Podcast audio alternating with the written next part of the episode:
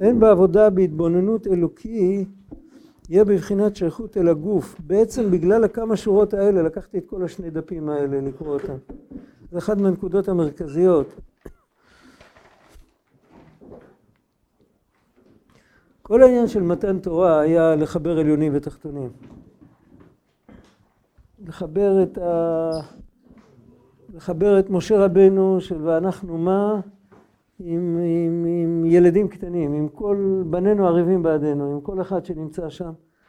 ואיך אה, בדיוק יצא לדבר על זה?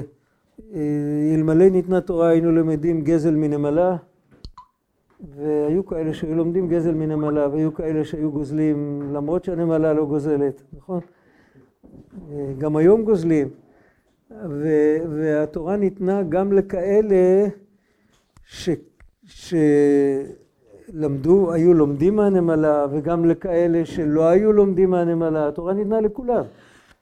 ולאן התורה רוצה לקחת את כולם? למקום שהם יקיימו את הלא תגזול, לא תגזול משודרג, לא תגזול בגלל אנוכי השם אלוקיך אמר לא תגזול. זאת אומרת זה בבת אחת לרדת למקום הכי נמוך ולתפוס אנוכי תרגלתי לאפרים ככם על זרועותיי שמתכופפים להרים ילד. תופסים אותו מלמטה, מתכופפים עד אליו, תופסים אותו מלמטה ומרימים אותו. זה, ואותו דבר שהנשמה ירדה לגוף, אז היא ירדה, התלבשה בתוך הגוף לגמרי, אי אפשר להגיד עד כאן נשמה, מכאן גוף. אתה לא יכול להפריד, כל זמן שהשם לא מפריד ביניהם, אתה לא יכול להפריד אותם. הם הפכו להיות מציאות אחת. והנשמה עם הנפש הבעמית, למרות שהנשמה שורשה בספירות העליונות, והנפש הבעמית שורשה בהיכלות של קליפת נוגה, אף על פי כן הם, הם הפכו להיות אישיות אחת כל כך, שכתב רבי אהרון הלוי, מסטרשלה, הוא כותב שזה נפש אחת עם סקאלה. הסקאלה הזאת, החלק העליון של הסקאלה זה רצון אחד להשם יתברך. החלק התחתון של הסקאלה זה רצון להישרדות, רצון לחיות חיים נעימים וכל זה. והחלק הזה יכול שיסתבכו רגליו בתוך הרע והוא יחטא ויחטיא את כל, את כל האישיות. אבל הנקודה שאיך שהשם ברא את האדם, הוא ברא אותו איש אחד, הוא לא ברא אותנו סכיזופרנים. כאילו, יש יצר טוב ויצר הרע, אז כאילו אנחנו שתי אישיויות. זה לא נכון. אנחנו אישיות אחת, וכל אחד צריך לשים לב לכל חלקי האישיות שלו. ובמה זה מתבטא? אז הוא אומר, בעבודת השם, אם בן אדם רוצה להתבונן בגדולת השם, אז הוא צריך ההתחלה של העבודה שלו, כמו שכתוב בראשונים, או כמו שכתוב בתהילים, בפרק ברכי נפשי. מה הוא מתבונן? זה הים גדול לא חייב ידיים, הרים הגבוהים לאלים, סלעים מחסה לשפנים, מה רבו מעשיך השם? עשה ירח למועדים, שמש ידע מבואו. הוא מדבר, הוא לא מתחיל פתאום, לא כתוב שם תתבונן ביהו וחיו אחד, בביטול של ספירת החוכמה של עולם האצילות, לא משם מתחילים. הבן אדם צריך להתחיל ממה שקרוב אליו, וזה בדווקא, כי אחרת זה לא מדבר אליו. שמעתי פעם משל מרב מוישה קרמר, הוא החבדניק שם, יחסית. הוא אמר ככה, הוא אמר שני חברים טיפסו ביחד על הר. הר בגובה של אלפיים מטר. והיה להם קשה והם טיפסו. ואחרי זה הם נפרדו, ואחרי כמה שנים הם נפגשים, ואחד המשיך לטפס על הרים והשני לא. אז זה שהמשיך לטפס, אם הוא יבוא ויספר לו, תשמע, טיפסתי על האברסט, או על ה-K2, אני יודע, על משהו כזה בסדר גודל של האברסט, כאילו בסדר, יופי, אתה המשכת לטפס, אני הפסקתי. אבל אם הוא יספר לו שהוא טיפס על הר בגובה של 2,500 מטר, 500 מטר יותר ממה שהם טיפסו אז ביחד. אז הוא יתחיל להסתכל, זה בתוך תחום ההשגה שלו, הוא יכול לחשוב על זה. לחשוב על האברסט זה, זה לטפס על גובה של קילומטר. הוא לא מסוגל לחשוב על זה, זה כל כך רחוק ממנו שהוא לא יכול להתפעל מזה. אבל פה הוא יתחיל לחיות את כל הטיפוס הקודם שלו. פה הלכנו על ארבע, ופה היינו צריכים לעשות תיקוף, ופה ככה, ופה התגלגלנו, ופה נפלנו וקמנו והמשכנו. אז הוא יגיד, וואי, אחרי כל האלפיים האלה הלכת עוד חמש מאות. כל הכבוד לך. זאת אומרת שההתחלה, אם רוצים שבן אדם יתפעל ממשהו, אז צריך לראות שזה יהיה בתוך תחום המושגים שלו, לא מעבר למושגים שלו. מה שמעבר למושגים שלו זה, זה להשחית דיבורים לריק. זה כאילו, זה, זה עובר מעל, זה לא פועל. אז ממילא, אם יהודי רוצה להתבונן בגדולת השם, השם יתברך הוא אין סוף, ואין לנו שום דרך איך, איך לבאר את גדולתו האמיתית. זה אפילו המילה גדולה היא, היא לא מדויקת. כי הוא יצר את המושג גדולה, הוא יצר אותו. אז ודאי שהוא לא נכנס במגירה הזאת של גדולה.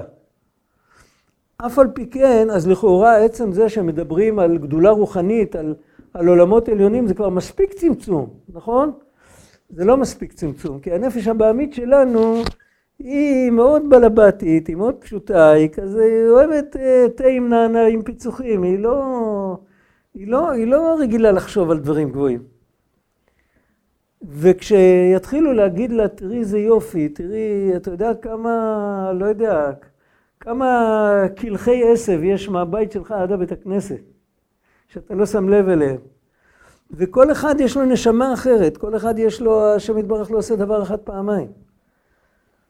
וכל מיני דברים קטנטנים ופשוטים, יומיומיים, שאתה פוגש אותם, שאתה יכול להזיז את האצבעות. זה הכל פלא. מה זה? זה, זה אוסף של uh, תאים ומולקולות וחומצות אמיניות ומה עוד יש שם? מישהו עשה פעם חשבון כמה עולה בן אדם בסופר בתוך שקית ניילון. זה, זה היה לפני הרבה שנים, זה היה דולר ועשר סנט. החלבון והסידן וכל החומרים בסופר. בוא נגיד היום זה יעלה 11 דולר, 15 דולר. מה זה הבן אדם? והבן אדם הזה יכול להגיע לירח, יכול להגיע למאדים, יכול... זה... אנחנו רואים אותו, אנחנו רואים רואים כל הזמן ניסים ונפלאות, ולא שמים לב. האם בן אדם יתחיל להתבונן בזה, אז הוא יקבל יראה, הוא יקבל דרך ארץ, הוא יקבל, הוא ידע מול מי הוא עומד. הוא, הוא, לאט לאט הוא ישתנה מבפנים. כל ההסתכלות שלו על העולם תהיה הסתכלות של פלא, של השתאות. לא הסתכלות רדומה כזאת של אה, כאילו, יאללה, ראינו את זה כבר. זה יהפוך את הבן אדם מבפנים, בתנאי שזה יהיה בתוך תחום ההשגה שלו. אבל אם זה יהיה מעליו, אם זה יהיה גבוה מדי, אז אה, רבנו אמר לא להתפלל עם כוונות, אלא אם הכוונות זה הפשט אצלך. זה ברור. כמו שאומרים, אה, ועל תורתך שלימדתנו, כתוב בכתבים, כתוב על תורתך שבאצילות שלימדתנו בבריאה. חזק וברוך. אם זה המדרגה שלך, בבקשה, תכוון את זה ברכת המזון. אם לא, אתה יכול ללמוד את זה ולכתוב על זה, אבל לכוון, תכוון את גובה העיניים שלך. תכוון את מה שאתה מכיר. גולל אור מפני חושך וחושך מפני אור, אז יכול להיות שהאור זה האור שלפני הצמצום. והחושך זה הצמצום, והחושך נגלל מפני אור זה אור הקו שמאיר בכל העולמות. הכל נפלא. אבל מה שהנפש הבעמית שלי צריכה, זה להבין שהחושך הזה שאני רואה עכשיו בחוץ, זה לא סתם תופעה אסטרונומית, זה השגחה פרטית. זה, זה נחוץ לי לדעת. עולם האצילות הוא בסדר, אני לא צריך לסדר אותו. הוא יודע שהשם עשה אותו. אבל העולם הזה זה הבעיה. פה צריך לראות שהבן אדם ידע שור קונהו וחמור יבוס בעליו, הנפש הבעמית צריכה להכיר. הנפש הבעמית צריכה להכיר את הקדוש ברוך הוא. אז צריך לדבר בשפה שלה.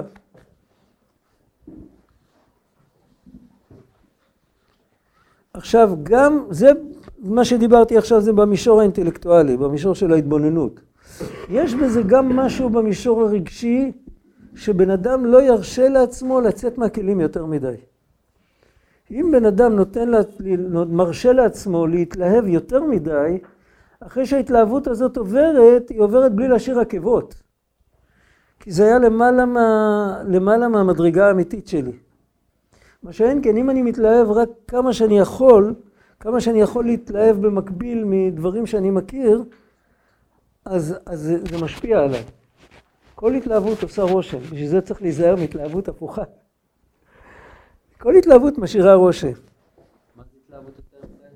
מה? מה זה התלהבות יותר מדי? התלהבות יותר מדי זה שבן אדם פתאום ירגיש שזה, זה, פה זה כבר לא המקום שלו בכלל. שהיום יום זה כבר לא המקום שלו, הוא כבר לא, הוא כבר לא יכול לחזור אליו. זה סימן שהייתה לו התלהבות שהיא לא לפי הכלים שלו. ההתלהבות עצמה זה דבר רגשי, אז אי אפשר להסביר אותו במילים. אבל מה הסימן שזה היה יותר מדי? זה שהוא כבר, באותו רגע הוא חושב שהוא כבר לא יכול לחזור יותר. ומה שקורה אחר כך, שכשהוא כן חוזר, אז הוא לא חוזר להתלהבות. זה ברור. כמו שברגע של ההתלהבות הוא חשב שהוא לא יחזור לפה, אז מתי שהוא חוזר לפה, אז הוא לגמרי פה. אין חיבור, אין זיקה, אין... זה ברור. זה... קודם כל הוא מנתח את הפן הרגשי, הוא אומר, היינו שלא יתפעל בנפשו ביותר, ביותר, ביותר ממה שראוי, בהרגש העניין האלוקי שבהתבוננות, שיבוא לידי התפעלות יתרה, שהוא ייזהר שהוא לא יבוא לידי התפעלות יתרה, ובבחינת הפשטה מהכוחות הטבעיים. אסור להיכנס לאקסטזה יותר מדי גבוהה, זה לא בריא, זה לא בריא להמשך. הרבה פעמים אחר כך הבן אדם מתקרר לגמרי, הוא, יש לו מין דבר כזה, אם הייתי יכול כל הזמן לעבוד את השם עם אותה התלהבות כמו אז, אז כדאי לי. היות שאני לא יכול להגיע עוד פעם לזה, אז אני לא עושה שום דבר. וברגע שנכנסים למשבצת כזאת, אז זו סכנה רוחנית לכל היהדות של הבן אדם. מה אמרת? כתוב הרבה, אה? כתוב הרבה בספרים של הבעל שם טוב, בתלמידים של הבעל שם טוב, על העניין של התפשטות הגשמיות. כתוב בשולחן ערוך על התפשטות הגשמיות. אז כל אחד לפי ערכו. יש גם בהתפשטות הגשמיות, יש הרבה דרגות. יש לנו מעשה, יש לנו דיבור, יש לנו מחשבה, יש לנו רגש, יש לנו שכל.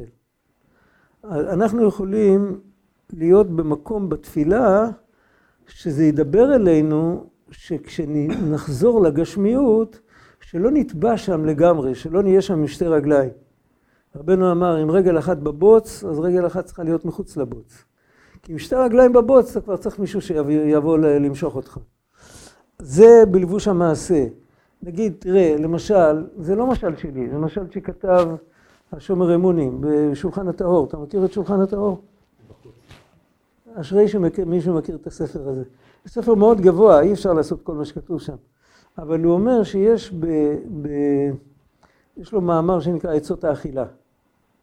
אומר שבן אדם מתיישב לאכול, האמת שהוא כתב את האכילה רק בתור משל. זה, זה נכון לכל דבר, זה נכון להרוויח כסף, זה נכון לדבר עם אנשים, כל, כל דבר. אז הוא כותב שיש בן אדם שהוא יכול למסור את עצמו לגמרי להשם יתברך, וכל מה שהוא עושה זה רק לשם שמיים.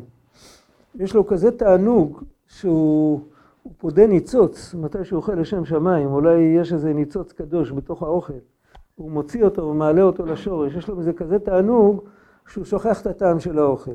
יש אנשים כאלה. יכול להיות אחד בדור, בסדר, אבל הוא קיים. יש אנשים כאלה. עכשיו, יש אנשים כאלה שלא, זה, זה בלוף. אם הם יתחילו, הם יחשבו ככה, הם מתרגלים לרמות את עצמם. הם מרגישים טוב את הטעם וטעים להם וכל זה, אבל מה הם יכולים להגיד? שבויה שבויה, אני אוכל יותר לאט. למה אני אוכל יותר לאט? כי בכל אופן אני יושב לפני הקדוש ברוך הוא. זה לא דרך ארץ ככה, אז זה סוג. עכשיו, כל הדברים האלה, זה כאילו, קודם זה היה ברגש, בתענוג שלו, עכשיו זה כבר עניין של התנהגות, של מעשה. יכול להיות באמצע, יכול להיות משהו כמו דיבור או מחשבה, ובכל הדברים האלה תמיד יש בחירה, אפשר לשקוע בתוך החומר עד הסוף, ואפשר להיות טיפ טיפה מעליו. כל פעם שבן אדם הוא טיפ טיפה מעל החומר, הוא לא נותן לעצמו להיות שטוף, שקוע יותר מדי בחומר, אז זה איזושהי נגיעה בעבודה של התפשטות הגשמיות. בשולחן ערוך כתוב בסימן צדיק ח', חסידים הראשונים היו מגיעים להתפשטות הגשמיות קרוב למעלת הנבואה. אז זה ודאי אה, אה, רחוק. אבל צריך לדעת שבכל מדרגה, בכל מדרגה יש סקאלה. הנה סולם מוצב ארצה וראשו מגיע השמיימה.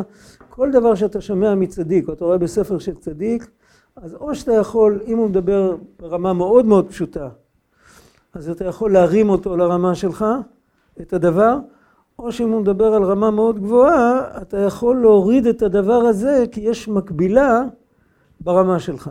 זה הכלל תמיד. לא להתפעל מזה שזה נראה כאילו... ותמיד זה צריך להיות נורמלי, לא, לא, לא להשתגע, לא לצאת מהכלים. קצת יותר מאיפה שאני עכשיו. אה? קצת יותר מאיפה שאני עכשיו. זה, זה ודאי יותר מהמקום שבו אני עכשיו, אבל זה בתוך... שואף אליו. המקום שאני שואף אליו, מותר לי לשאוף לכל המדרגות, אפילו העליונות, אבל לא, לא להיכנס לזה, זאת אומרת, זה מוצא חן בעיניי. בסדר, מותר לך שזה ימצא חן בעיניך. אבל אם אתה סגור על זה לרצות את זה, לא לרצות בתור חזון אחרית הימים, אלא להתחיל להיכנס לזה הרגע, אז לא תמיד אפשר. יש עיתות רצון, יש, יש נעילת כיפור, יש הקפות של שמחת תורה, יש, אה, אומרים שם בעיר רצון של אחידה כל מיני דברים נפלאים, תסתכל בהקפה הרביעית.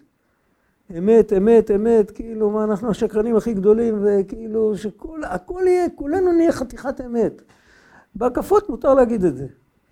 אבל אם מישהו יגיד את זה סתם ביום חול, יגידו לו שקרן, קודם כל תפסיק לשקר את החברים שלך. אחר כך תיקח את התפילה של החידה. אז לרצות מותר, מותר לרצות את המדרגות הכי גבוהות. אבל צריך לראות שלהתעסק, להתעסק עם משהו שהוא בר השגה. לא... זה מאוד חשוב. מה? זה בדיוק דיברנו רגע לפני שנכנסת. לי יש שאלה, דיברנו על זה פה למטה מקודם, אז ככה... רגע, אתה מרשה לי לענות לו? אוקיי. אז אה, זה חשוב, כי דבר שהוא מעל, נתנו על זה משל, אתה יודע מה, תקשיב אחר כך לגולם שהסתובב פה, אני מקווה שהיה פה איזה אחד כזה, לא? אז זה זה עצמו, אוקיי, לא ידעתי.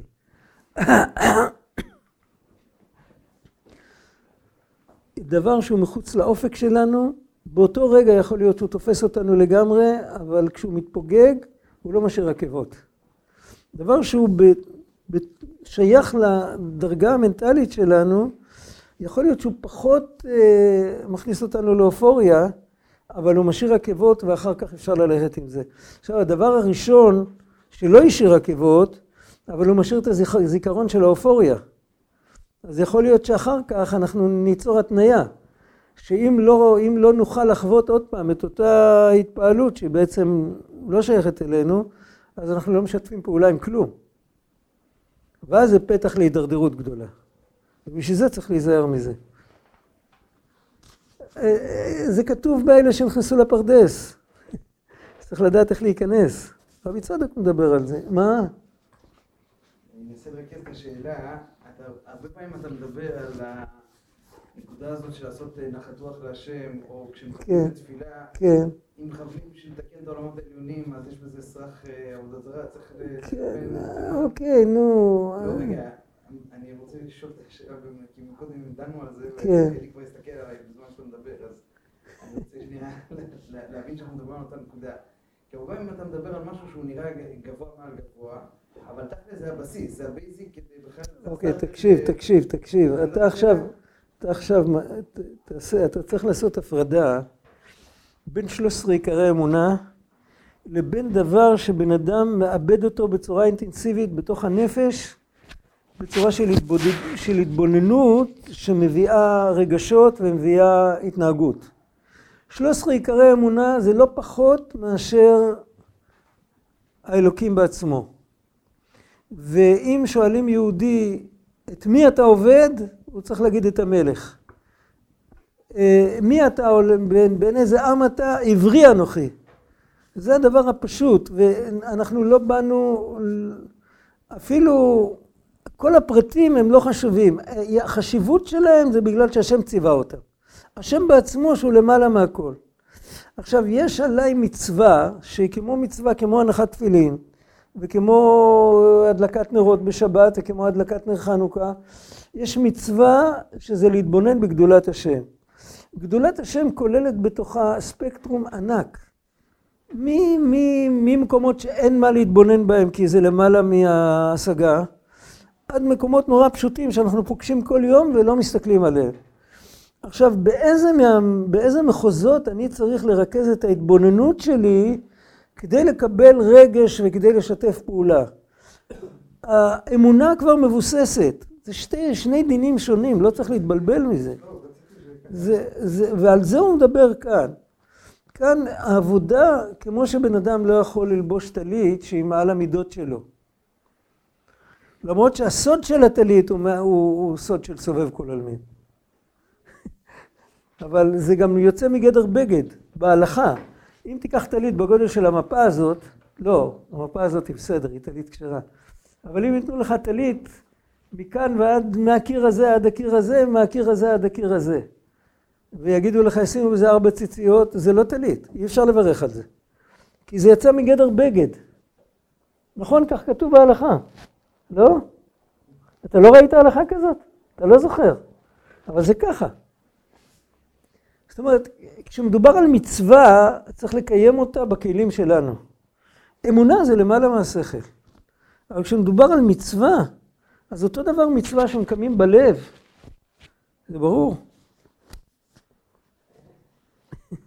פחות או יותר. אה?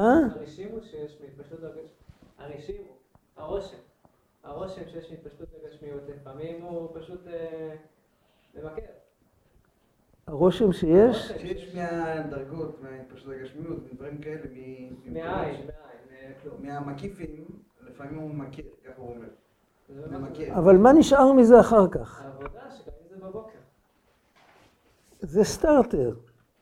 אתה יכול לנסוע 50 קילומטר על סטארטר. אני צריך לישון אחרי זה שבועיים, בסדר? בסדר, אז כל, בסוף הבטריה נגמרת.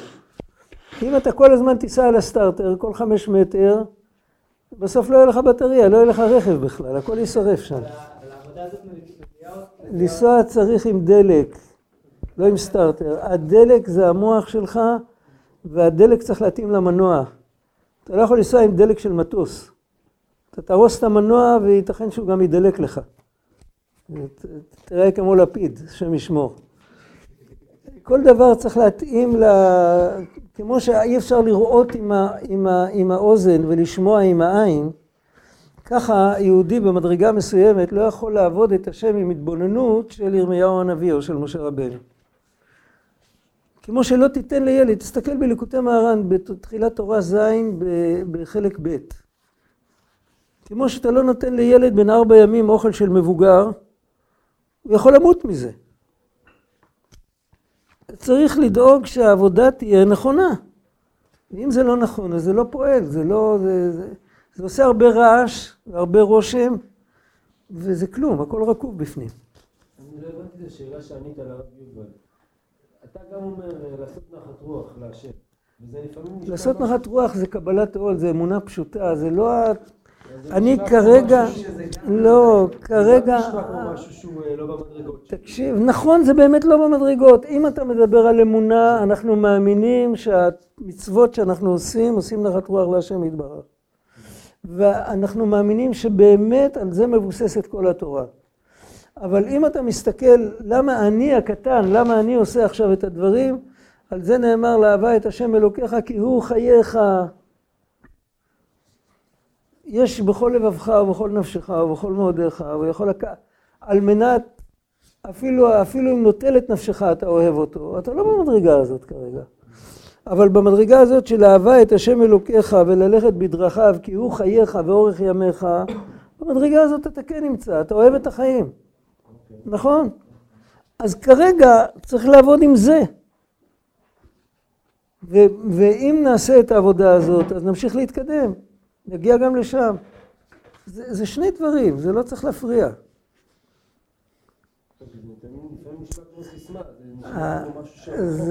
עזוב, עזוב, עזוב. בוא, אני אגיד לך מה שמפריע, לא לך, לא לך, אבל מה שמפריע בכלל, כשמתחילים לדבר את הדיבורים האלה, היום יש קליפה, יש, בכל דור יש קליפה.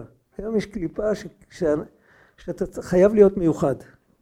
אתה מגיע לאספת הורים בבית ספר, והמורה או המורה אומרים לך, הילד שלכם הוא ילד רגיל. אתה יוצא פגוע עד מעמקי נשמתך. או שיהיה מיוחד לטובה, או שיהיה מיוחד לרעה. אתה, לי יש ילד רגיל? ריבונו של עולם, ילד רגיל היה פעם משאת הנפש של כל ההורים. ילד רגיל זה נקרא שבשביל ילדים כאלה בנו את המערכת, טוב לו, הוא פורח, הוא לא משתעמם מצד אחד, והוא לא בוהה מצד שני, כן? ופתאום, אבל היום כולם צריכים להיות מיוחדים. פה המחבר מוריד לנו את האף קצת. הוא אומר, תשמע, אתה עוד לא מיוחד, תהיה ילד רגיל, אל תהיה מיוחד. עכשיו, זה תת-הכרתית מקומם את כולם. אנחנו לא אוהבים לשמוע דיבורים כאלה. אנחנו אוהבים מרצה שיבוא ויגיד, יספר לנו שאנחנו מיוחדים, או שיגיד לנו עד מתי תשבו ותעשו זימה, כמו רבי ציון ידלר, אז הוא יגיד לנו שאנחנו רעים לרעה, מיוחדים לרעה, או שיגיד לנו שאנחנו בונים כתרים חדשים למקום ואנחנו מיוחדים לטובה. אבל שיבוא מישהו ויגיד לנו שאנחנו בסטנדרט ואנחנו צריכים ללכת לפי הכוחות שלנו, זה עלבון נוראי, ובגלל העלבון, שהעלבון הוא תת-הכרתי, אנחנו בכלל לא מודעים אליו. אז המוח שלנו כבר מתחיל לפברק קושיות ושאלות, ומישהו רצה התוועדות קודם, אז קיבלת. אז רגע, אם כבר אני רוצה לסיים בעוד שאלה, אני מקווה, אמרת שהרב אהרון הלוי אמר שזה סקאלה. מה? שהנפש בהמית ונפש אלוקית זה אותו בן אדם באותה סקאלה. זה, זה, זה הופך להיות בן אדם אחד. אמרת שזה לא חיזופרניה. זה לא כמו? חיזופרניה. שזה כן, ודאי שלא. אבל כשאני קורא טניה, אז דווקא זה להיות חיזופרניה. הוא כותב. את זה בתור פירוש על התניא. את זה הוא כותב בשערי העבודה. שערי העבודה זה הרחבה של התניא. אני שם הוא כותב את אני זה. שואל שאלה על זה שדווקא החיזופרן, בקטע הזה של טניה, עשה לי הרבה, פתר לי הרבה בעיות, כי כשאני חוטא זה התכלית אני- זה הצד השכן הלא טוב שלי. אז אני לא, אז אני אומר, אוקיי, יש לי תמיד לאן לחזור, אבל אם זה אותו בן אדם, אז דווקא זה משגע אותי. כאילו, אני פעם גבוה, פעם נמוך, אז תחליט מי אתה. אתה עוד פעם, אתה מערבב שני דברים. סליחה, לא מצליח. אתה מערבב מהויות עם מצבים. זה בן אדם אחד עם מצבים שונים. תחשוב שאתה עכשיו בשיא, באיזשהו חמסין נוראי. תחשוב. ואתה מתחיל להתקלף מכל, ה... מכל הגופיות החמות ומכל הקשקושים האלה, ואחר כך פתאום יורדת הטמפרטורות, יורדים הטמפרטורות ואתה מתחיל לחפש את כל, ה... את כל הדברים האלה שהורדת ואתה מתחיל להתקרבל ועדיין קר לך. זה מטריד אותך? זה גורם לך לחשוב שאתה סכיזופרן או משהו כזה? בכלל לא. זה בן אדם אחד, אתה אותו בן אדם עם מצבים שונים. לפעמים אתה נפתח למצב הזה, לפעמים אתה נפתח למצב הזה. מה שגורם לך להרגיש את המצבים השונים, יכול להיות, יכול להיות בן אדם שאין לו תחושה לחום וקור. אם הנשמה לא הייתה מתלבשת בגוף ובנפש הבעמית, לא הייתה מתאחדת איתם, אז כל הגירויים הגשמיים לא היו פועלים עליה. אבל היות שהיא התלבשה בהם בהתלבשות, לא במקיף, התלבשה בהם בהתלבשות גמורה והיא הפכה להיות אחד איתם, אז כל הדברים האלה מדברים אליה. ועכשיו הבן אדם יכול לבחור מה שידבר אליו. זה כמו לסובב את הגלים ברדיו, ללחוץ על כפתור אחר. עכשיו פה נותנים מוזיקה, פה נותנים אה, סקירה פוליטית. בן אדם שאוהב פוליטיקה, הוא הולך לסקירה הפוליטית, אדם שאוהב מוזיקה, הולך למוזיקה, כל אחד עושה עם זה מה שהוא רוצה. אנחנו, יש לנו את האפשרות לבחור לאן פנינו מועדות. אם אנחנו מסתכלים על החיצוניות של המציאות, אז החיצוניות תדבר אלינו. אם אנחנו נתרגל לשאול את עצמנו את השאלה הנכונה, מול מה אנחנו עומדים עכשיו? כמו תחשוב על בן אדם, ילד קטן. ילד מאוד קטן יכול להתבלבל בין האבא האמיתי לבין האבא שעומד בראי. הוא יכול לרוץ לאבא בראי ולחטוף מכה במצח. נכון? ילד קטן. הבן איש חי מדבר על זה בנפלאים מעשיך, הוא מספר סיפור על ילד שלא ידע אף פעם מה זה ראי, וסיפור שלם, אבל מה שהוא מתכוון שם, הוא מתכוון להגיד שבן אדם צריך לדעת מה האמת ומה הראי. מה שאנחנו רואים בשטחיות, הפגישה הראשונה שיש לנו עם העולם, אנחנו רואים תמונות בראי. בעצם מה ש... כל מה שאנחנו רואים, אנחנו רואים אנרגיה אלוקית שנראית כמו קיר, כמו שולחן, כמו בן אדם, כמו זה, זה האמת, מצד האמונה. לא צריך להיות בעל מדרגה בשביל להאמין בזה. אם אנחנו מתחברים לאמונה, לאמונה שלנו, אנחנו לא רוצים ללכת שולל אחרי הדברים האלה. ואת זה, את האמונה יש לנו גם בנפש הבעמית. זה צריך להבין, זה לא שהנפש הבעמית זה איזה גנגסטר. אנחנו פשוט לא מחברים אותו, זה כמו יש לך תנור בבית, לא הדלקת אותו, אז קר בבית. כשקר בבית, אז הבן אדם לא יודע שיש לו תנור, אז הוא הולך לעשות אה, מדורה בתוך הבית, הוא עושה שחור את כל הקירות. בסדר, מי אשם לו? החוסר אינפורמציה שהיה לו. איך מביאים אינפורמציה לנפש הבעמית, שבעצם כל מה שהוא רואה, הוא בתור נפש בעמית, כל מה שהוא רואה זה בעצם כוח אלוקי שרק קיבל צורות שונות, מסבירים לו את זה, מדברים איתו. זה הזמן של ההתבוננות, זה הזמן של הלימוד. צריך ללמוד בשפה שלו, לתת לו משלים שהוא יבין. לא אה, לדבר איתו פתאום על עולם האצילות, אותו מעניין העולם הזה. ואת זה צריך להבין. וברגע שזה נעשה, אז אין בעיה, הנפש הבעמית יכולה לעזור לבן אדם לעבוד את השם. לא צריך בשביל זה להיות צדיק עם התהפכה עם כל הדברים. צריך בשביל זה להיות רק, אה, איך אומרים, קצת יותר מבוגר. ילד קטן, כל האהבה שלו זה לשטויות. ברגע שהוא מתבגר, אף אחד לא הסביר לו כלום. הוא יתבגר, אז הוא אוהב דברים יותר חשובים. אנחנו צריכים לעשות את ה... הילד מתבגר על ציר הזמן מעצמו. אנחנו צריכים לעשות את העבודה. הנפש הבאמית שלנו כבר בן אדם מבוגר, אי אפשר לחכות שיתבגר עוד. אבל צריך לעשות איתו עבודה, צריך לקרוא לזה עבודה של התבגרות. עבודה של להפוך אותו לקדושה זה עבודה של צדיקים. אבל עבודה שה... להפוך את הנפש הבעמית שלנו לנפש הבעמית מבוגרת יותר, עם שיקול דעת, לא ללכת אחרי החיצוניות, לא ללכת אחרי חיוך, אחרי כאילו, אחרי קצף. זה שזה נקרא בשפה של התרבות, זה נקרא תרבות לבנטינית. יודעים מה זה נקרא? תרבות לבנטינית זה, זה מילה שהגיעה מאוקספורד או מווינה. תרבות לבנטינית זה, זה תרבות שאין בה בסיס כלום, ויש הרבה, כאילו, הרבה רעש, הרבה הילה, הרבה... זה מדען גדול, דגול, וזה חוקר אה, ותיק, וזה כל אחד, ובעצם מאחורי הכל יש בורות גדולה ואין שם כלום. זה תרבות לבנטינית, זה ברור. זה, אנחנו, הנפש הבעמית שלנו, היא בטבע הולכת אחרי דברים כאלה. בשביל זה כל כך הרבה יהודים הלכו אחרי ההשכלה. ההשכלה היה נטו תרבות לבנטינית, לא היה שם כלום. זה כאילו אם אתה, אמרתי היום למישהו שהוא נדנד לי נורא, אמרתי לו תוציא שטר של 50 שקל, יש שם תמונה של צ'רניקוב, צ'רניחובסקי, רואה, זוכרים איך שהוא נראה? עם השפם הענק הזה.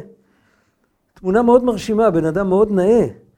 כן, אמרתי לו, תדמיין שאתה הולך בלונדון, במוזיאום, ואתה לא ראית את החמישים שקל, אתה לא חשבת אף פעם על צ'רניחובסקי, אתה רואה את התמונה הזאת תלויה על הקיר בגודל מרשים, ואתה רוצה להתקרב לראות את זה יותר טוב. מה עולה לך במוח? איזה מחשבה? בוא נראה את האדם הזה, או בוא נראה את היהודי הזה? עם יד על הלב, מה יעלה לך קודם בראש? את האדם. אם תראה תמונה של מרק שאגאל, שהוא מצייר שם איזה יהודי עם, עם זקן ארוך, אפילו שזה לא יהיה כל כך... אה, אפילו פיקאסו, לא משנה, אני לא יודע אם אתם מכירים, רמברנד, ואן גוך, לא משנה. לא יודע את מי אתם מכירים, אבל אם הם ירצו לצייר יהודי, הם יציירו יהודי כמוך. אבל כשאתה תראה מרחוק את הדבר הזה, אתה תגיד, בוא נראה את היהודי הזה. כן? אבל אם יציירו יהודי כמו צ'רניחובסקי, אז יגידו, בוא נראה את הבן אדם הזה.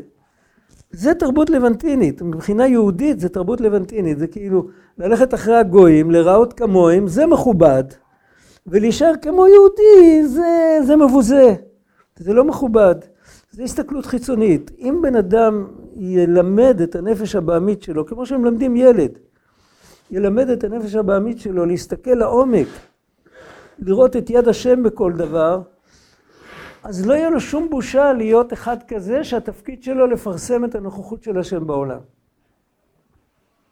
זה לא מבוזה. זה ברור, אני מקווה שזה מאוד ברור הדבר הזה. אבל אם יתחילו, במקום זה יתחיל לדבר על אה, לשייט בעולמות עליונים, הנפש הבאמית שלו תישאר מסכנה. אין תקשורת. לא נהוג לי פה, ל- לגלות נוכחות השם, לעשות לו פה דירה, זה לא... לא, לגלות את נוכחות השם זה ההצהרה העקרונית. לעשות להשם יתברך דירה, זה יכול להיות בזה שאתה נכנס הביתה ואתה מצוברח עד הסוף, ואתה שם את כל הציברוח בצד, ולאשתך אתה מחייך מאוזן לאוזן. בזה אתה כרגע עושה, מגלה את הנוכחות של השם, בתוך הנפש שלך, ממילא גם בסביבה שלך. זה כרגע מה שאתה יכול לעשות. אבל אם אתה תפנה לעורף ותגיד, אה, כאילו, אין עולם, אז גם את לא נמצאת, אז אתה מסתיר על הנוכחות של השם. כי כרגע צריך לגלות את הנוכחות של השם פה. זה ברור. זה, זה ברור לגמרי, אני לא חושב שיש כאן איזה צל של ספק, כל אחד יודע את זה.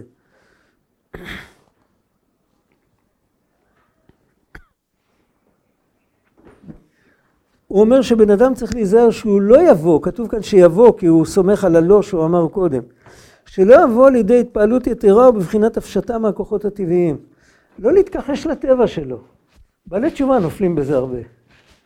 הם פתאום מפסיקים לנגן, פתאום מפסיקים לחייך לאנשים, פתאום הם חזרו בתשובה.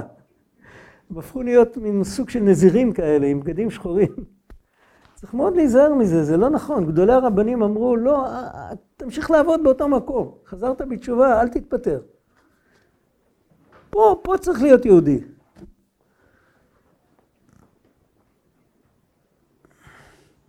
כי אם אדרבה, להשקיט התפעלות הנפש, ולעצור את כוחות הנפש שלא יתפעלו כל כך, ויהיה בבחינת הרגש פנימי יותר. העיקר שזה יהיה אמיתי. שזה יהיה אמיתי, שזה, שזה יצליח להקים אותי מהמיטה חצי שעה קודם. לא שבאותו רגע אני אהיה באופוריה ואחר כך לא יישאר מזה כלום. זה כמו אלכוהול, כמו סמים, כל הדברים האלה. אין לזה, אין לזה ערך אמיתי. זה צריך להיות אמיתי. מה? יש דרך, יש דרך לזהות את זה בשעת מעשה? בשעת מעשה אמרתי, אני אמרתי קודם, הוא שאל את זה. בשעת מעשה. לא, לא אחר כך, אחר כך בטוח שאפשר.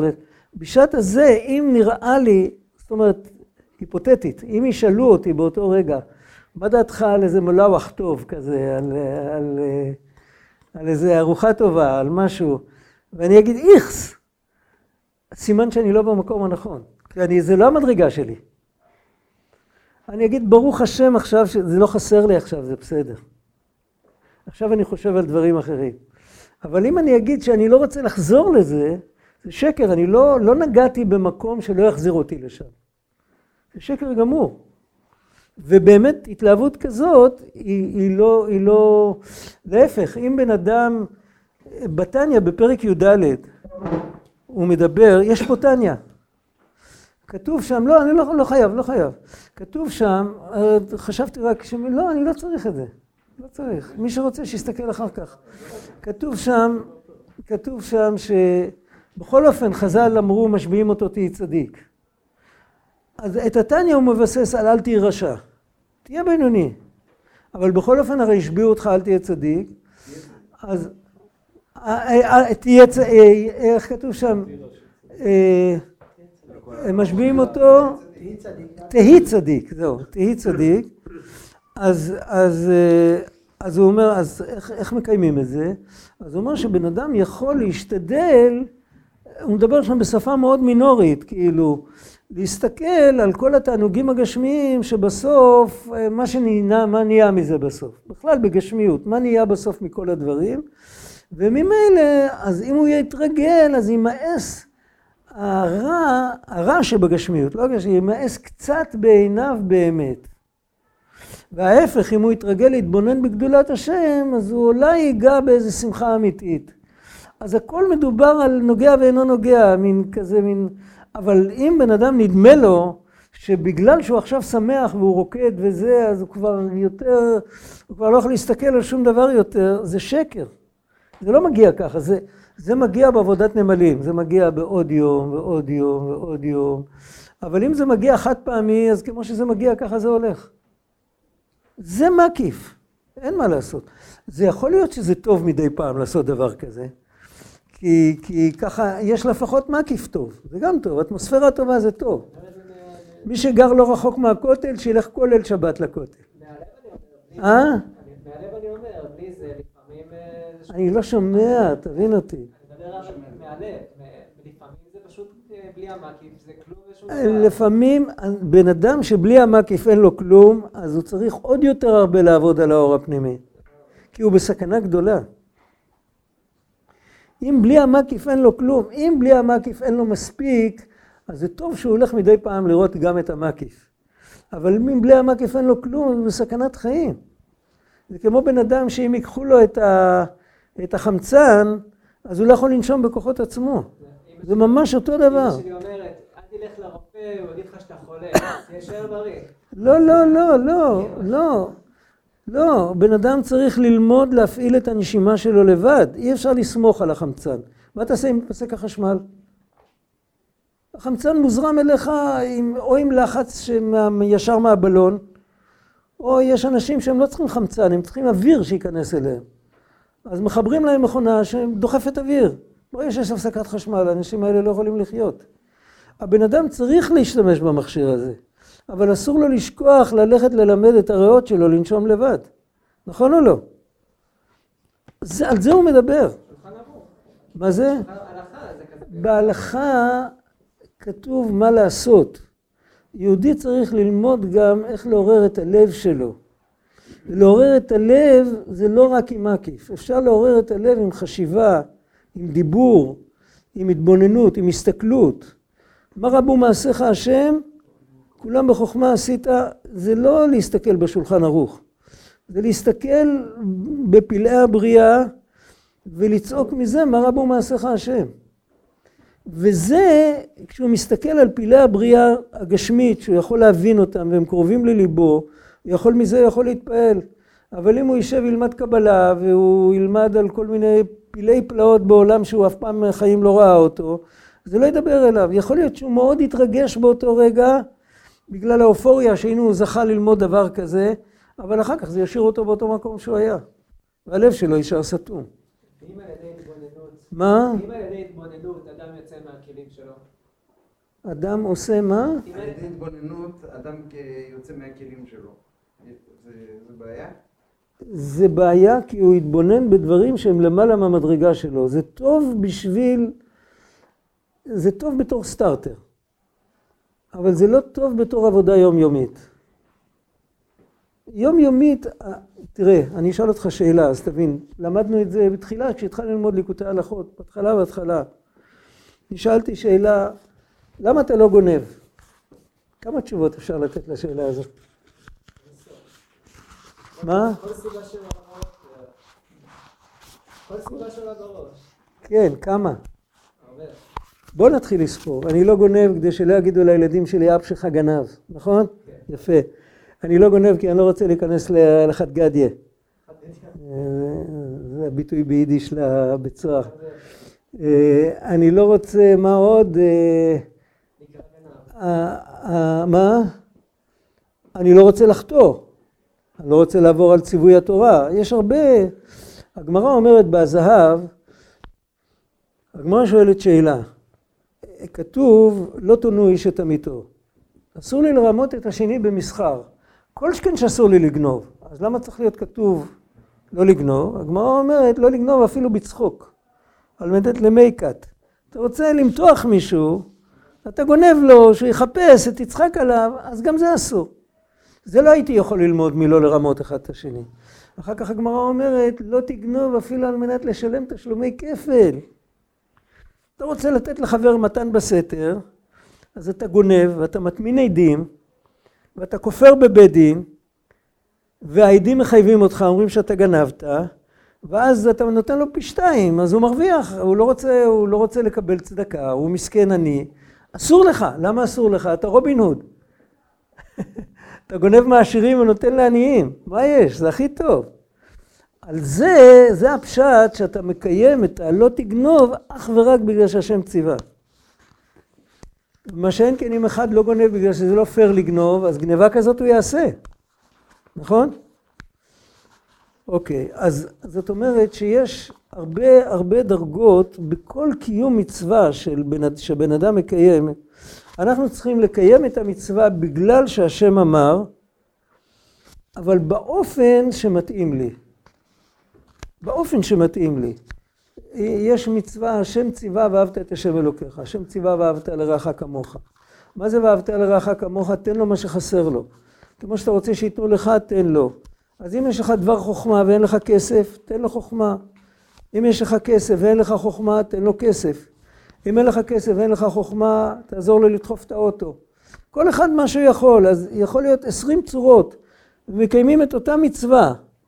זה ברור, ואותו דבר, ואהבת את השם אלוקיך, אז צריך, הדרך לאהבה את השם, כתוב ברמב"ם, להתבונן בגדולתו. כל אחד צריך להתבונן בדבר כזה שיעורר אצלו את האהבה שהוא יאהב את השם. לא שהוא יתפעל מזה והוא ישתגע וירקוד על השולחנות או על הגגות. לאהוב מישהו, תקשיב רגע, לאהוב מישהו זה לא לרקוד, להיזכר בו ולרקוד. לאהוב מישהו זה לתת לו את מה שהוא רוצה. ולאהוב את השם זה לתת להשם את מה שהוא רוצה. ואם יש התבוננות כזאת שגורמת לי לתת להשם את מה שהוא רוצה ממני, זו התבוננות שעוזרת לקיים את המצווה. אבל אם ההתבוננות שלי רק מביאה אותי להתפעלות אינסופית, בסדר, אז uh, כאילו זה פעילות, uh, פעילות אנושית מאוד מבורכת, אבל זה לא המצווה. צריך להיות אמיתי. אה, אנחנו מדברים כאילו, כאילו היציאה מהכלים, לא יודע, כאילו נשמע לי מהדברים של הרב, שבכלל היציאה הזאת מהכלים שמדובר עליה פה, זה בכלל טומאה. טומאה. כן? יכול, זה יכול להיות טומאה, זה יכול לנגוע בטומאה, זה יכול להפיל את הבן אדם לטומאה, אבל אפילו אם זה לא זה, אם זה, אם זה לא מביא תכלית תשובה, תכלית חוכמה, תשובה ומעשים טובים. ותכלית אהבה זה גם תשובה ומעשים טובים. אם זה לא מביא, לא המדרש עיקר אלא המעשה. ואם אם, אם בסוף המעשה לא משתנה, אז הבן אדם טועה בדרך. זה שיש לו רגשות נעלים והוא יכתוב שירים ויחבר ספרים ויחבר ניגונים וזה, אבל בפועל אם המעשה שלו לא השתנה, אז הוא לא באמת אוהב את השם. אבל יש כל מיני טיפוסים, יש סיפור על רבי זושה שעבד עם האדמו"ר הזה, כן אני חושב, שהם התחילו ללמוד גמרא, ואיכשהו שמע מאימת השם, מאימת מאימתי קוראים משמע בערבית, אז הוא התחיל לעוף, לרקוד. זה היה המדרגה שלו. בסדר, אני אומר, אבל יש כל מיני טיפוסים, אני לא לא מכיר פה את כל... הסיפורים, הסיפורים, ברגע שבן אדם אומר לך, שמע, זה ה- זה- זה- זה- זה הטיפוס, אז אז אתה רוצה להגיד לו, אתה פועל לא נכון? לא, לא, אתה לא, אתה לא תגיד לו, הוא צריך לבדוק את עצמו, איך המעשים שלו, ואז הוא ידע אם זה נכון או לא נכון. עוד פעם, ת- עידן. אתה זוכר מה שאלת אותי לפני השיעור? זה אותו סיפור. אתה אף פעם לא מעניין אותך מה שקורה אצל מישהו אחר, אתה צריך רק לתמוך בו. אף פעם אל תגיד למישהו ביקורת. כאן מדובר על ביקורת שבן אדם אומר לעצמו, לא מדובר על ביקורת. לא מדובר על ללכת לה, להגיד לאחרים מה חושבים עליהם. בדרך כלל מה שאני חושב עליך זה בלוף אחד גדול. אין אדם יודע מה שבליבו של חברו. אין. אם הוא אומר שזה, שזה, שזה, שזה, שזה העניין שלו, שזה מה שהוא, ככה הוא רואה את הדברים. הוא לא צריך להגיד את זה. אם הוא אמר את זה, סימן שהקשית עליו קושיות. בשביל מה הוא צריך להגיד את זה? ברגע שאתה אומר את מה שאתה אומר, בשם, אני- בשם אני, איזשהו צביון- אני, מדבר נכון עוד פעם. אני לא, לא מדבר, אני אומר מה שכתוב כאן. עוד פעם, מה שכתוב, בדיוק להפך. בדיוק כמו אחד שנמצא במדרגה X, לא צריך לעלות למעלה מהמדרגה שלו, אותו דבר אחד שנמצא שם, לא צריך לרדת למקום שבו אנחנו מדברים. מה ש- הוא בא לשמוע את אה, הוא בא לשמוע, אבל מה שאנחנו- תחשוב שמישהו בא. לשמוע אותך, ואתה אומר שבני אדם שונים וכל אחד הוא אינדיבידואל בפני עצמו, ואין דרך אחת לכולם. אבל הוא בא לשמוע אותך. אז מה?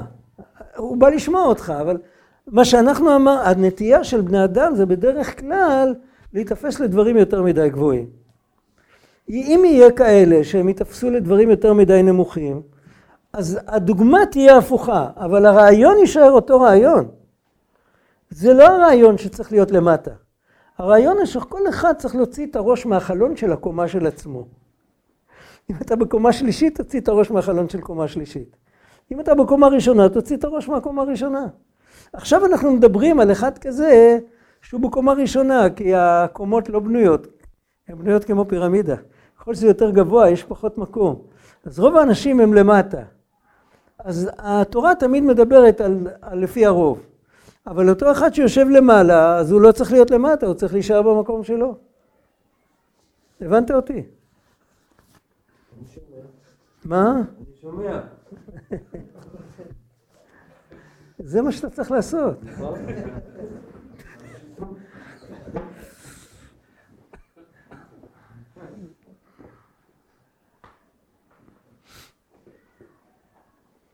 עכשיו, מה פירוש הרגש פנימי יותר?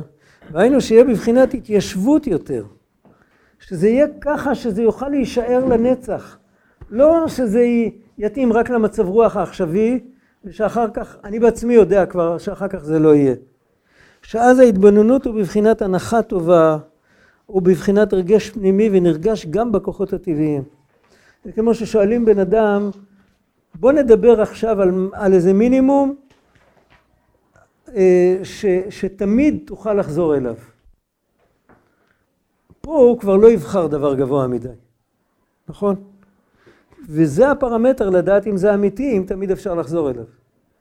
אם זה דמיון, אז אה, כמו שמסיקים תנור בחורף, מסיקים תנור עם עצים, והסטארטר לוקחים כל מיני דברים שנדלקים מהר, כן?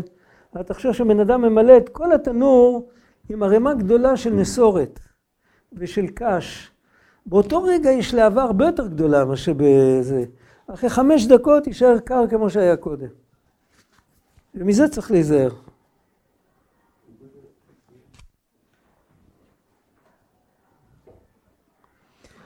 ובכלל זה גם כן, עכשיו הוא מדבר על הפן השכלי, אני, אני הקדמתי את זה כבר קודם.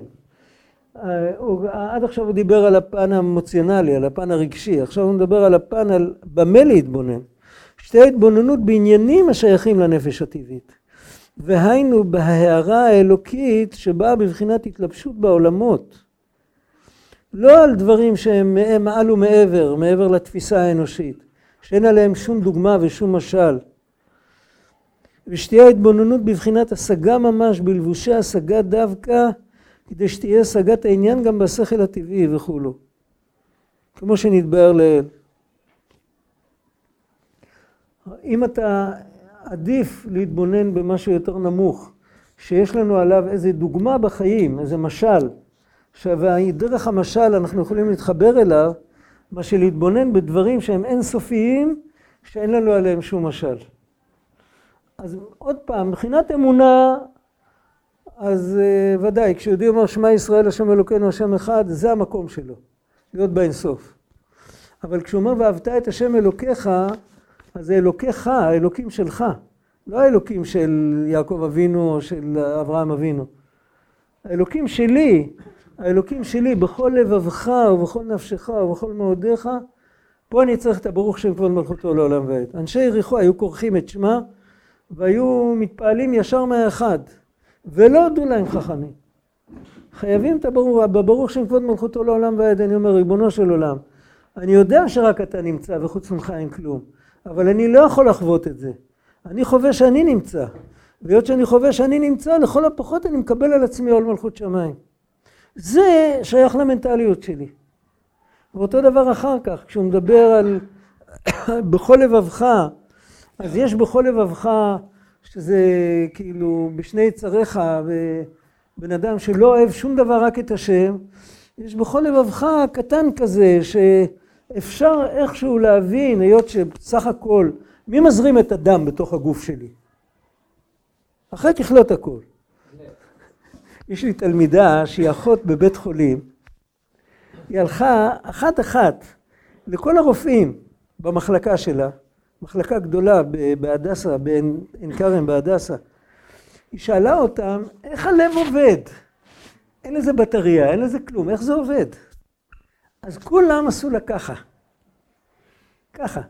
היה אחד שקצת מחקר, אז הוא התחיל להסביר לה על פולסים חשמליים ועל זה, אז היא שאלה אותה, אבל מאיפה זה מגיע? אז גם הוא עשה לה ככה. את זה הנפש הבעמית שלנו יכולה להבין. ועל זה אנחנו אוהבים את השם עם היצר הרע שלנו, עם כל מולקולה בגוף אנחנו אוהבים את השם. כי בלעדיו אנחנו פשוט לא נחיה, אדם לא יזרום.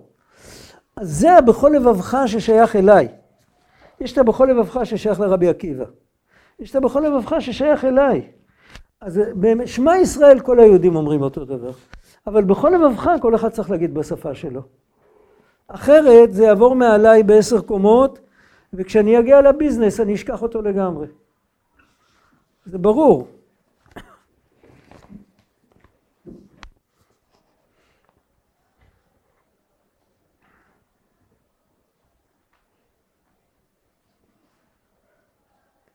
והוא כותב ששני הדברים האלה קשורים, אם זה יחלוף או לא יחלוף, ואם יש, יש התפעלות יותר מדי גבוהה או לא, אז הוא אומר שזה קשור. אם בן אדם יודע לבחור עניינים שמותאמים לו, אז גם, גם ההתלהבות שתצא מזה היא גם תהיה מתאימה לו. זה לא ירסק אותו. לא יהפוך אותו לרצו בלי שוב וכל מיני דברים כאלה. כאשר ההתבוננות היא באופן כזה, זה גופה מעציר ומשקיט התפעלות הנפש מצד עצמה. יש לפעמים מצד הנשמה שיש געגועים גדולים להשם יתברך. לפעמים זה מתעורר באמצע הלילה, פתאום. זה קורה. אבל אם בן אדם משתף גם את החלקים הנמוכים שלו, אז הוא יכול גם את זה להרגיע. כי גם זה לא תמיד בריא אם אין כלים לקבל את זה. למרות שהוא לא אשם, הוא לא יזם את זה. אין לזה נחת להשם יתברך? מה? השם יתברך אבל אני מבין שמקבל נחת מהדברים האלה. יש לי פתאום געגוע. זה צריך להיות ברצו ושוב. אז את השוב אפשר לפעול, אסור שזה יהיה ברצו לבד, נכון? אי אפשר. לא זה לא תמיד ככה. זה לא תמיד ככה. אני סיפרתי, הנה זה טבריאני, יכול להיות שהוא זוכר את הסיפור. היה בטבריה לפני 150 שנה, אולי 100, אני כבר אומר 30 שנה לפני 150 שנה, כבר 130 שנה, 180 שנה. זה סיפור מקובל, יודעים מי זה היה, יודעים מי זה היה. היה שם יהודי שהיה קם בבוקר בשבת, הוא לא היה מתפלל בבית כנסת, הוא היה מתפלל בבוקר, בבית הכנסת התחילו להתפלל בשמונה. והוא היה מתפלל בבוקר, ואחרי שחרית הוא היה הולך ל, ל, לבית הכנסת, היה שם לומד או קורא תהילים או משהו, שומע קריאת התורה, מתפלל מוסף עם כולם וחוזר, והולך הביתה. וכשהיה מתפלל לבד, הוא היה הרבה פעמים מקבל סימני גסיסה בפנים שלו, היה מתפלל עם דבקות כזאת, היה יהודי רם מעלה, מעלייה חסידית של פעם, ש... של הגליל, הוא היה, אז בני הבית שלו לקחו בחור דרוזי, עם נשק, ואמרו לו, אתה תעמוד, זה, זה היום עבודה שלך בשבת, כאילו, תעמוד ותסתכל על הפנים שלו, ברגע שתראה השתנות בפנים שלו, תיתן ירייה כלפי מעלה, והרעש של הירייה יעיר אותו, וככה היה כמה פעמים, פעם אחת היה שם שריפה, והבחור הזה היה בחור מאוד פשוט, בחור צעיר דרוזי, הוא הלך לראות את האש, וכשהוא חזר, הוא היה מונח על הסידור, הראש היה מונח על הסידור, הסידור היה פתוח בנשמת כל חי, וזה לא נעצר, הרצון לא נעצר, זו עובדה. יש לפעמים שהרצון לא נעצר, ו, ו, ו, וצריך להחזיר אותו. צריך לגרום, אתה יכול לברר, יש אנשים שיודעים את השם של היהודי הזה. זה סיפור אמיתי, סיפור שסיפרו צאצאי העיר טבריה. בשפיץ של הפירמידה. אה? בשפיץ של הפירמידה. זה בסדר, אבל אף אחד לא יכול לדעת. אין חברת ביטוח, אין חברת ביטוח, לא צריך לסמוך על זה. אם בן אדם מרגיש שפתאום, זה יכול לקחת הרבה זמן, זה אולי לא יהיה בצורה כזאת שהוא, שהראש שלו ימצאו על הסידור, אבל שהוא הוא לא יוכל לתפקד בעולם מרוב השתוקקות. אני הכרתי יהודי בדורנו, שהוא היה כמעט כזה. רק היות שהוא ידע את הסוד הזה, רב נוסן צבי קיניק, אתה הכרת אותו? הכרת אותו. אני זוכר אותו בתור אברך. גרנו באותה שכונה. היה- זה היה פשוט, רק תסתכל עליו איכשהו ברחוב, הוא לא היה איתך. והוא הכריח את עצמו, הוא היה בר דעת גדול, הוא הכריח את עצמו, היה פותח את הדלת הביתה, היה אומר אה, בוקר טוב הכי מתוק שבעולם. הוא פשוט, ובסוף הוא נפטר ככה. באיזשהו שלב הוא פעם אחת לא החזיק את עצמו והוא עלה. בשנייה. הוא גמר לכתוב, בערבים הוא היה כותב חידושי תורה, המון ספרים הוא הדפיס. הוא גמר לכתוב, נכנס למיטה, נתן צעקה ונפטר. שאגה. ככה. ו- והוא הוא השתדל, הוא השתדל. לא תמיד מצליחים, גם מי שכן משתדל. אבל על כל פנים, אנחנו לפי דרכנו למדנו שצריך להשתדל. הלוואי שנגיע למקום הזה, שזה יהיה העבודה שלנו, שנצטרך להשתדל. אבל הוא אומר שההשתדלות הזאת, שהוא אומר כאן, שבבסיס נמצא העניין, המטרה לקרב את הנפש הבעמית, היא יכולה גם לעזור שלא יקרו דברים כאלה. זה כל מה שהוא בא להגיד כאן. וזה כתוב בסוגריים.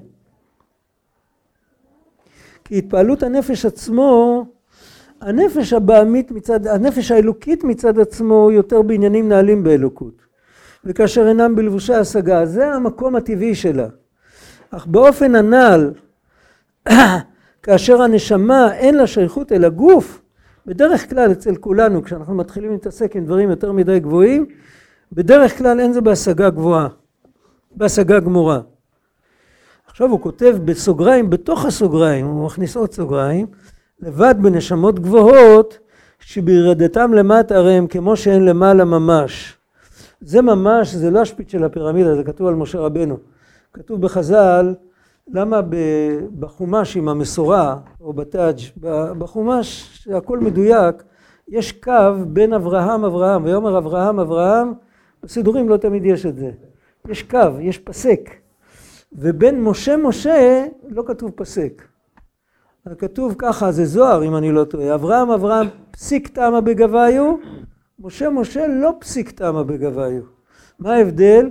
משה אברהם אמר אנוכי עפר ואפר, הנשמה שלו הייתה למעלה, הייתה מאוד מאוד גבוהה, כשירד למטה היא הצטמצמה, זה היה כאילו פסיק בין אברהם העליון לאברהם למטה.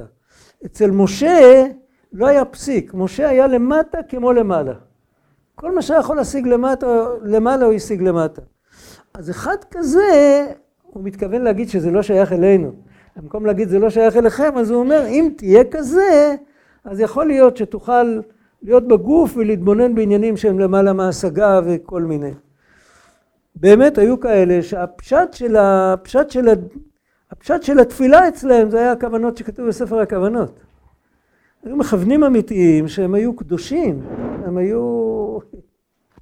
רבי סלמן מוספי, כשהוא עלה לארץ, הוא הצטרף למכוונים, והוא היה יהודי קדוש עליון. ו... ו... הם גירשו אותו.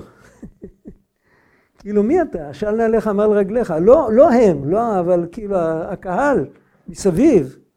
הם היו מופשטים, הם לא חשבו, אבל כאילו, מה, מה אתה תוקע את עצמך למקום כזה? אז היה שם אחד מהמקובלים הוותיקים של ירושלים, הגדולים, שאמרו אמרו עליו עדות שהוא מכוון אמיתי ושלא שלא ינגעו בו. אחר כך כולם הפכו להיות תלמידים שלו. אבל בהתחלה כאילו של נעליך מעל רגליך. וכמו הנשמות שנפגע עליהם הפרגוד, ובאו למטה כמו שאין למעלה.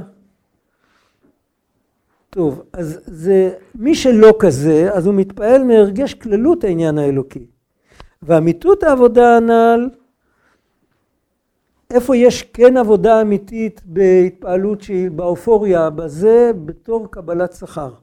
אם הבן אדם כבר הגיע למקום של קבלת שכר, שם משחררים לו את כל התענוגים, ושם הוא כבר לא יכול ליפול יותר.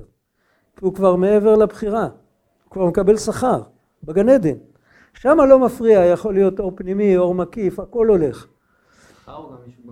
בשכר הנשמות להתענג על השם, אבל במקום שעדיין יש עבודה ואפשר ליפול, אז בן אדם צריך להחזיק את עצמו במה שהוא יכול ולא במה שהוא לא יכול.